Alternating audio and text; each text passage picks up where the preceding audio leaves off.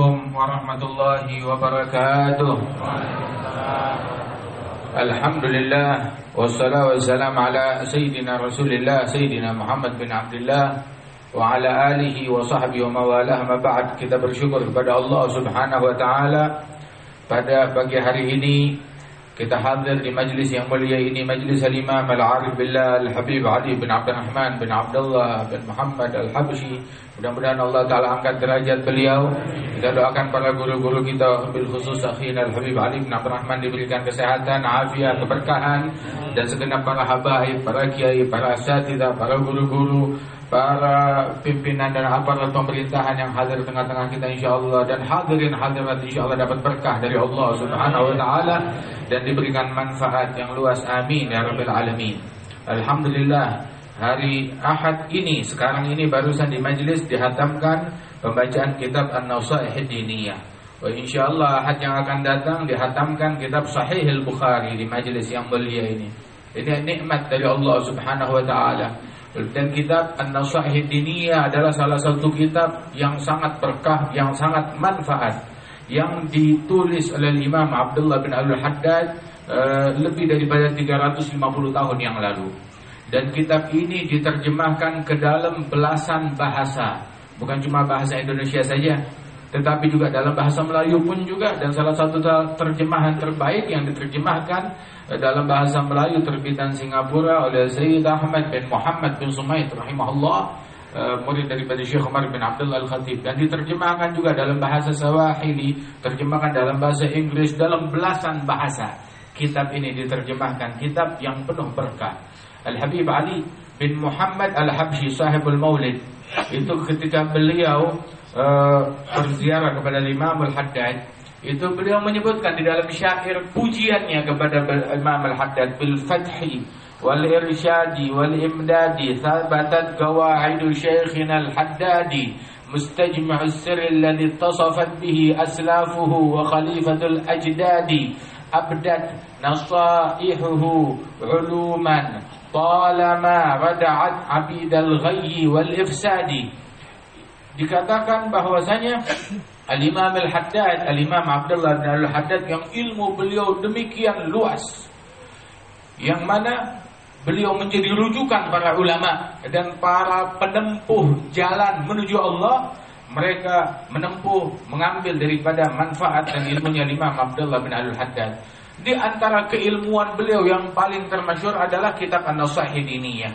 Abdad Nasahihuhu Uluman kitab Nasuhaih Diniyah yang beliau tulis ini itu menunjukkan berbagai bidang-bidang keilmuan yang mana di situ adalah penjelasan yang gamblang dan jawaban bagi orang-orang yang yang apa namanya uh, yang gundah, yang gelisah semuanya dijawab dan diklarifikasi oleh Imam Al-Haddad di dalam kitab An-Nasaih Diniyah tersebut.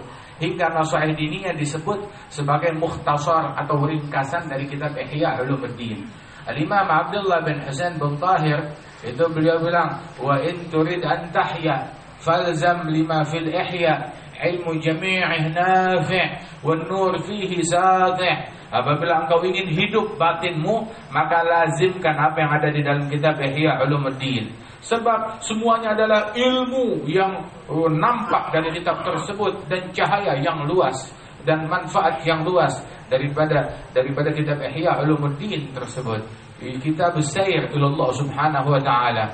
Dan e, dikatakan oleh Imam Al-Haddad tentang kitab Al-Ihya Ulumuddin tersebut wa kamitslihi lam yudai. E, e, Imam Al-Ghazali ketika menulis kitab Ihya Ulumuddin itu yang seperti Ihya Ulumuddin belum pernah dikarang ditulis di zaman tersebut. Hingga sampai pada masa Imam Abu Hamid Al-Ghazali radhiyallahu anhu arfa. Dahulu para sadah al-alawiyah, para kaum alawiyin ahli baitnya Rasulullah sallallahu alaihi wasallam pernah di suatu masa di masanya Imam Al-Imam Segaf sekitar 700 tahun yang lalu mereka berpikir untuk menulis membuat sebuah kitab di mana di dalam kitab tersebut menjadi rujukan bagi anak cucu keturunan mereka dan pecinta mereka, pecinta ahli baitnya Nabi Muhammad sallallahu alaihi wasallam di dalam menempuh jalan menuju Allah Subhanahu wa taala. Ketika mereka sedang musyawarah berpikir istikharah untuk membuat kitab tersebut, sampailah di kota Tarim kitab Ihya Ulumuddin. Ketika sampai kitab Ihya Ulumuddin dibuka, diteliti, dibilang khalas kita nggak perlu bikin kitab baru lagi. Semuanya yang kita mau ada di dalam kitab ini. Di dalam kitab Ihya Ulumuddin tersebut. Sehingga itulah kitab yang diterapkan oleh para sahabat Bani Alwi untuk anak cucu mereka dan keturunan mereka untuk melazimkan kitab tersebut. Di antara orang yang paling perhatian dengan kitab Ihya Ulumuddin ada misalnya Al-Imam Abdullah bin Abi Bakar Al-Idrus, Al-Idrus Al-Akbar, Al-Imam Abdullah bin Abi Bakar bin Imam Abdurrahman Al-Segaf. Dia perhatian mengkaji dan menyebarkan kitab Ihya Ulumuddin. Membaca kitab Ihya Ulumuddin lebih daripada 40 kali. Dan itu kitab 4 jilid besar Membacanya lebih daripada 40 kali dan hampir-hampir menghafal Ihya, hafal Ihya Ulumuddin yang empat jilid tersebut. Sehingga beliau pun menganjurkan untuk kitab ini disalin dan diperbanyak dan bahkan menganjurkan ini kitab terdiri dari empat jilid. Jilid tentang ibadat, jilid yang kedua tentang adat, rubul adat, yang ketiga tentang rubul muhlikat, hal-hal yang bisa membinasakan seseorang dari perangai dan sifat, dan yang keempat rub'ul munjiat e, berbicara tentang hal-hal yang bisa menyelamatkan orang dari sifat-sifat yang luhur dan perangai yang mulia. Dan setiap jilidnya itu terdiri dari 10 kitab. Totalnya itu 4 jilid, satu jilid ada 10 kitab dan 10 bahasan, 40 bahasan. Dan Imam Al-Idrus bilang menganjurkan untuk dibagi menjadi 40 bagian. Dan dibaca setiap hari satu bagian radhiyallahu anhu arba. Dan Beliau pun juga memberikan bisyarah bagi orang yang menulisnya, mengkajinya, memperbanyaknya. Radhiyallahu anhu arda. Kemudian, uh, lakin min at-tatwili kallat al-himam fasara fihi al-ikhtisar al-multazam. Al-Imam Al-Ghazali itu beliau merangkai daripada syariatnya Rasulullah sallallahu alaihi wasallam. Kemudian dari Imam Sya'rani dia ringkas lagi apa yang dirangkum oleh Imam Abu Hamid Al-Ghazali. Datang Al-Imam Al-Haddad meringkas dari apa yang disampaikan oleh Al-Imam Abu Hamid Al-Ghazali wal Imam Sya'rani dan di antara ringkasan beliau, nah ini kitab yang kita baca di majelis ini, kitab yang dipilih oleh Al-Habib Ali bin Abdurrahman Al-Habsyi, sahibul majelis. Dia memilih di antara semua kitab, kitab apa yang paling manfaat buat warga Indonesia, buat masyarakat, buat muslimin, dipilihkan buat kita kitab eh, eh, apa namanya An-Nasaih Diniyah yang menggabungkan semua yang ada di dalam kitab Ihya Ulumuddin. Itu sampai ulama bilang bahwasanya seandainya Imam Abu Hamid Al-Ghazali hidup setelah masanya Imam Al-Haddad, maka beliau pasti akan menukil dari kitab-kitabnya Imam Abdullah bin Al-Haddad. Begitu. Akan tetapi Imam Ghazali masanya jauh sebelum Imam Al-Haddad, ratusan tahun wafat sebelum Al-Imam Abdullah bin Al-Haddad radhiyallahu anhum ajma'in. Ulama, ulama kita, ulama ahli sunnah jamaah, ulama para salafus saleh mengatakan kalau kalian mau membedakan antara ulama dunia dengan ulama akhirat. Kan kita bingung mana ulama dunia, mana ulama ulama akhirat. Bagaimana beda ini? Yang lebih banyak masanya? Enggak. Yang punya banyak pengikutnya? Enggak. Yang viral di mana-mana? Enggak. Mau bedain ulama dunia dengan ulama akhirat? Itu para masyayikhuna mengatakan, "Idza turid an tufarik baina ulama dunia wal akhirat, anna ulama dunia ma yuhibbun kutub al-Ghazali." wa ulama al-akhirah yuhibbul kutub al-Imam Abu Hamid Al-Ghazali. Kalau mau tahu bedanya ulama dunia dan akhirat, ulama dunia, ulama dunia ya, yang di mata orang ditunjuk ini ulama, ini hebat, ini soleh, ini wali itu di mata orang ditunjuk-tunjuk orang. Begitu. Tapi di mata Allah Taala kosong, melompong, keraknya neraka. Nah untuk min. Nah, itu ulama dunia. Itu mau tahu bedanya, Nah kita yang awam sulit ngebedain Tapi ada salah satu ciri yang mudah membedakan Siapa ulama dunia, ulama akhirat Ulama dunia nggak demen, nggak suka, nggak senang dengan kitab-kitabnya Abu Hamid Al-Ghazali Tapi ulama akhirat suka dengan kitabnya Abu Hamid Al-Ghazali Kenapa ulama dunia nggak senang dengan kitabnya Ghazali? Sebab baru mereka mau berkecimpung, mau meraup dunia Imam Ghazali mencela ulama yang rakus dunia Baru mereka gila ngajak orang untuk meraup tahta, harta, dan kedudukan dicela oleh Imam Al-Ghazali dalam kitab mereka. Hingga wah ini Imam Ghazali nggak sesuai dengan zaman, nggak cocok sama kita. Begitu dijatuhkan deh kredibilitas Al-Imam Abu Hamid Al-Ghazali sebagaimana dilakukan eh, oleh orang-orang daripada yang menyimpang dari jalan ilmu yang benar. Adapun ulama akhirat mereka girang diluruskan oleh Imam Abu Hamid Al Ghazali ke jalan yang benar, diarahkan dan dibimbing. Al Imam uh, eh, Abul Hasan Asy-Syadzili, Al Imam Abul Hasan Asy-Syadzili. Hada Imam Abul Hasan Asy-Syadzili uh, sahibut tariqah wa sahibul wirid. Hada Imam Asy-Syadzili itu beliau waktu di Masjidil Haram dia tidur. Kemudian tertidur kemudian mimpi mimpi Rasulullah Shallallahu Alaihi Wasallam. Ya orang kalau mimpi ya bebas dong. Bilang oh mimpi khurafat gak boleh dibawa-bawa. Nggak benar palsu. Ya ente bikin mimpi sendiri jangan ganggu mimpinya orang. Mimpi terbang kenapa ente ingkar? Mimpi. Begitu ini mimpi Rasulullah Shallallahu Alaihi Wasallam. Man ra'ani fil manam faqad ra'ani haqqan Nabi mengikrarkan kebenaran dan keberadaan mimpi tersebut. Yang bermimpi saya dalam tidurnya berarti dia telah benar melihat saya. Fa inna syaitan la yatamatsalu bi. Syaitan enggak bisa menyerupai saya. Ada seorang wali, seorang saleh dia mimpi.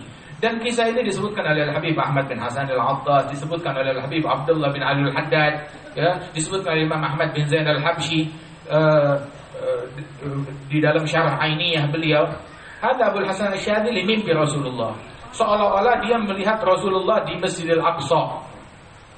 Ngumpul dengan para nabi-nabi. Ada Nabi Musa, Nabi Isa, dan semua nabi-nabi. Kemudian Nabi Musa tanya. Ini dalam mimpinya Abu Hasan Asyadili.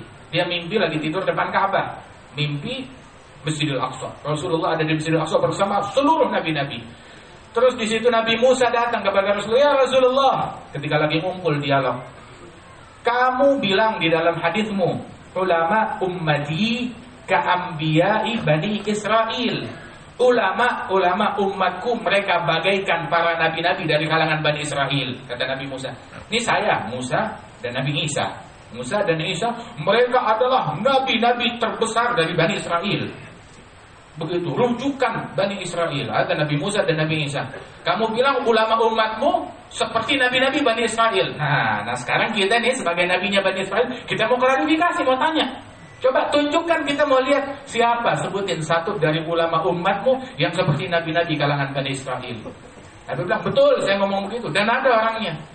Dia tunjukkan. Maka Nabi Muhammad bilang, Aina Abu Hamid Al-Ghazali. Di mana gerangan Abu Hamid Al-Ghazali? Datang Al-Imam Al-Ghazali ke hadapan Rasulullah. Mencium tangannya Rasulullah. Kemudian bilang, Ya Musa yang Isa ini orangnya, ulama umatku yang seperti nabi-nabi Bani Israel. Maka Nabi Musa bertanya, mau ngetes dia. Masmuk ya imam, siapa gerangan namamu wahai imam? Maka Imam Al-Ghazali bilang ismi Muhammad bin Muhammad bin Muhammad bin Ahmad Al-Ghazali Al-Tusi. Maka Nabi Musa bilang, katanya kamu ulama.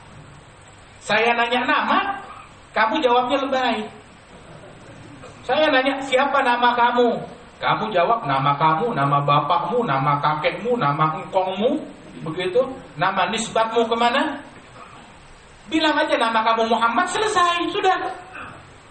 Katanya ulama, tapi kok jawabnya apa namanya apa terlalu panjang, melenceng dari pertanyaan.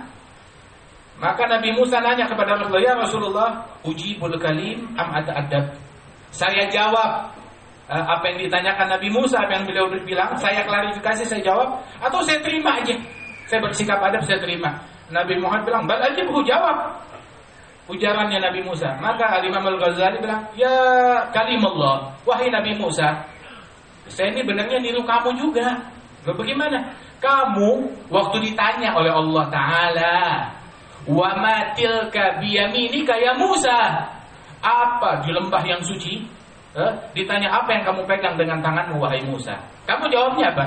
Eh, asaya atawakka'u 'alaiha wa ahushu biha 'ala ghanami wa liya fiha ma'aribu ukhra. Di tangan kananku ini adalah tongkatku. Aku bertumpu dengan tongkat ini Aku gembala kambing dengan tongkat ini dan aku punya banyak perkara yang bermanfaat yang saya gunakan tongkat ini untuk membantu. Maka wahai Nabi Musa, kenapa kamu nggak bilang ini tongkatku selesai? Siapa yang nanya buat gembala kambing, buat bertumpu, buat ini, buat itu. Bilang aja nih tongkat selesai. Nabi Musa senyum, bilang sadaqta. Eh, betul. Eh, kalah argumentasi dengan Al-Imam Al-Ghazali. Betul ucapannya kamu. Begitu. Maka Nabi Muhammad tersenyum dan berkata kepada Nabi Musa dan Nabi Isa, "Ya Musa, ya Isa, afi ummatikuma hablun kahada?" Wahai Musa, wahai Isa, kamu nabi daripada Bani Israel. Saya mau tanya, adakah di umat kalian ulama besar orang yang keilmuannya sekali per Al-Imam Al-Ghazali ini? Tahu apa jawaban mereka? Lah, di umat kami nggak ada orang yang keilmuannya sehebat Al-Imam Abu Hamid Al-Ghazali radhiyallahu anhu. Itu baru ketemu satu dari ulamanya Nabi Muhammad sallallahu alaihi wa alihi wasallam. Wa hadha Imam Al-Ghazali, imam agung, imam yang hebat, imam yang besar. Dan Imam Al-Haddad itu dia rangkum daripada kitab-kitabnya Imam Ghazali di dalam kitab An-Nasaih Diniyah. Wal Habib Ali bin Muhammad Al-Habsyi ketika di dalam syair pujiannya kepada Imam Al-Haddad itu beliau bilang huwa ka'batun lil ghasidin wa mafkharun lil wadi. Beliau Imam Al-Haddad bagaikan Ka'bahnya bagi orang-orang yang menuju kepada Allah Ta'ala, bagi orang penuntut ilmu, nah itu Ka'bah mereka untuk mencari ilmu. Ada Imam Abdullah bin Al-Haddad. Sampai dibilang bahwasanya Al-Imam Al-Haddad tersebut garrat bihi ainun nabiyyi Muhammadin fahuwa lahu min. Sungguh Al-Imam Al-Haddad salah satu cucu kesayangan dan cucu terbaik yang diturunkan oleh Rasulullah SAW. Salah satunya adalah Al-Imam Abdullah bin Ali Al-Haddad tersebut penulis daripada kitab An-Nasuh Diniyah. Nah, terus apa hubungannya sama kita? Nah, kitabnya amalin.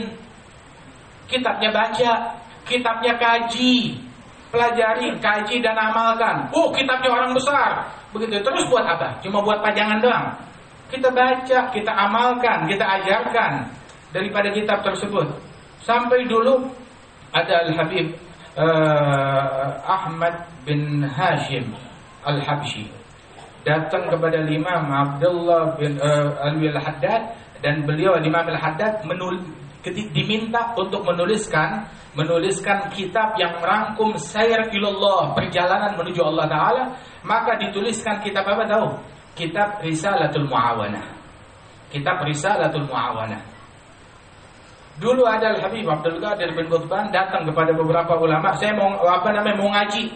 Mau ngaji e, kitab. Disuruh baca kitab Risalatul Muawanah dalam hati saya kan ulama besar, saya ustadz, guru besar. Ini kitab sih udah kayak kacang goreng, udah saya hafal. Masa suruh ngajinya kepada Habib besar ini kitab Risalatul Muawanah dalam hati begitu. Baru ngomong dalam hati begitu ditegur oleh Habibnya dan berkata, "Ya fulan, lebih tahu gak ini kitab dikarang oleh siapa? Ini kitab ditulis oleh wali untuk wali." Nah, Imam Al-Haddad wali besar, dia tulis itu kitab untuk ditujukan kepada seorang wali Al-Habib Ahmad bin Hashim Al-Habib untuk diamalkan, untuk dipraktekkan daripada kitab tersebut. Itu bukan kitab kecil, tapi kitab yang agung, kitab yang besar. Ilmu jami'in nafi' wa nur fihi. Dan kitab-kitab mereka ini kutubul haddad Kamu baca dua kali, tiga kali, empat kali, sepuluh kali, empat puluh kali Tidak membosankan. Tiap kali dibaca seolah-olah ada makna baru yang ada di dapatnya. Di mimbar ini berapa puluh kali dihatamkan Risalatul Mu'awanah Di mimbar ini berapa puluh kali dihatamkan An-Nausah Diniyah Berapa puluh kali dihatamkan? Kitab yang agung, kitab yang sangat luar biasa. Begitu juga seperti kitab Ihya Ulumuddin dan kitab-kitab lainnya. Nah karenanya itu ayo amalkan ya, dan pererat hubungan kita dengan Allah Subhanahu wa taala. Mudah-mudahan Allah Subhanahu wa taala jaga kita dari bala, dijaga kita dari musibah, dijaga kita dari keburukan, dijaga kita dari penyakit. Ya, kalau mau dijaga dari penyakit gampang satu. Ya, Nabi bilang ngajarin kepada kita beberapa amalan. Tadi Habib Mustafa bilang jaga wudhu. Betul, jaga wudhu.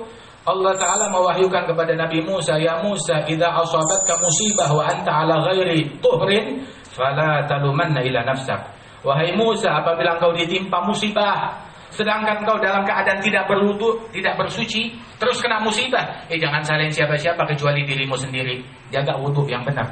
Terus juga yang paling perhatian harus apa yang kita lakukan sholat jamaah. Terutama jamaah isya, jamaah subuh. Itu asuransinya kita lebih ampuh dari BPJS. Terus terang, itu lebih ampuh dari BPJS. Lebih ampuh dari asuransi yang paling mahal mana pun asuransi mati dulu baru dibayar. Tapi Kalau asuransi dari Allah Ta'ala, man salal isya fi jama'ah fahuwa fi dhimmatillah hatta yusbiha. Wa man fajr fi jama'ah fahuwa fi dhimmatillah hatta yumsiya. Yang salat isya jamaah, dia dalam asuransinya Allah, dalam tanggungan perlindungan, penjagaan Allah sampai subuh. Yang subuhnya berjamaah dalam perlindungan jaminan asuransinya Allah sampai malam. Kalau isya dan subuh jamaah 24 jam dilindungi oleh Allah Taala. Perlindungan Allah Taala itu mencakup segalanya. Lain kalau perlindungan ini asuransi ini baru mau mengklaim, oh nggak termasuk. Nah, suka kan begitu? Nah, macam. Tapi kalau perlindungannya Allah Ta'ala asuransi. Asuransi dari gangguan apa namanya harta. Asuransi dari gangguan apa namanya Yang menuju kepada tubuh ataupun jiwa. Asuransi daripada penyakit Daripada virus dari segala macam. Dari bala, dari musibah, dari keburukan Dari bencana alam Dari hal yang tidak diduga-duga. Itu perlindungan Allah Ta'ala. Asuransi Isya dan subuh. Ambil klaim asuransi kita di waktu Isya dan subuh. Kemudian juga di antara yang dianjurkan Ya perbanyak istighfar Banyakin istighfar Banyakin sholawat kepada Nabi Muhammad Sallallahu alaihi wasallam. Dan juga baca tuh ayatul hifid Ada ayat-ayat al-hifid Di dalam Al-Quran ada beberapa ayat. Baca untuk menjaga diri kita dari penyakit Dari keburukan. Sama satu lagi ada Banyakin sedekah. Banyakin sedekah, jangan pelit. Begitu. Orang pelit kalau mati nggak ada yang nangisin. Nah, mati, biarin aja. Nunggu nggak dapat apa-apa juga semasa hidupnya. Di hidup dia mati sama aja. Begitu. Tapi kalau orang yang dermawan dia mati sedih, kehilangannya banget. Wah biasanya 2 miliar dari dia tiap tahun. Ini nggak ada. Mati orangnya. Kehilangan, banyak yang kehilangan. Begitu. Tetapi kalau orang yang pelit, dia mati nggak ada yang kehilangan. Ulama, biarpun ulama, tapi pelit, nggak ada yang demen. Betul nggak? Tapi kalau orang yang dermawan, walaupun nggak punya ilmu, udah cakep aja udah. Allah Subhanahu Wa Taala uh, uh, menganjurkan kepada kita untuk bersedekah. Ibn Adam dalam hadis kursi, anfik unfik alaih, berinfaklah, aku akan nafkahi engkau. Rasulullah bilang, innal bala la yatahabba as-sadaqah Musibah yang datang nggak melangkahi sedekah. Kita mau dijaga dari musibah, sedekah keluarin di pagi hari. Jangan ketelatan. Musibah mau datang, begitu mau datang mau nyampe, ya ini orang udah keluar sedekah, cari hari lain. Cari hari lain udah keduluan lagi dengan sedekah, cari waktu lain lagi dan begitu seterusnya. Eh, jangan sampai kita kalah dengan bala dan musibah tersebut. Wah bala musibah semuanya datang dari Allah Subhanahu wa taala dan semuanya teguran buat kita sekalian dan kita tidak mencemooh orang siapa pun yang kena musibah kita nggak cemooh. Kenapa? Sebab kita takut, takut. Nabi Muhammad bilang, la tudhir syamatat li akhik, fayarhamahullah wa yabtalik. Jangan kamu mencemooh saudaramu yang ketimpa musibah. Kenapa? Akhirnya tuh orang dikesianin oleh Allah Ta'ala, dirahmati oleh Allah, dan musibah yang menimpa dia ditimpakan kepada engkau. Waliyadzubillah min dzalik. Kita nggak mencemooh. Ini salah satu hal ampuh untuk mencegah musibah. Jangan mencemooh orang yang kena musibah. Siapa pun orangnya, siapa pun orangnya. Yang emang dia bikin kejahatan, begitu ya kita doain biar jadi orang baik. Begitu kita nggak mau ada siapa pun sakit. Ngelihat kucing sakit aja kita nggak tega. Apalagi ngelihat manusia yang sakit. Begitu apalagi ngelihat muslim yang sakit. Mudah-mudahan Allah Ta'ala jauhkan kita dari bala dari musibah dan Allah taala perbaiki keadaan kita. Allahumma barik lana fi Rajab wa Sya'ban, ballighna Ramadan, a'inna 'ala siyam wal qiyam, ihfazna min al-atham bi rahmatika ya dzal jalali wal ikram. Sallallahu ala sayyidina Muhammad wa ala alihi wasallam wa akhiru da'wana alhamdulillahi rabbil alamin. Assalamualaikum warahmatullahi wabarakatuh.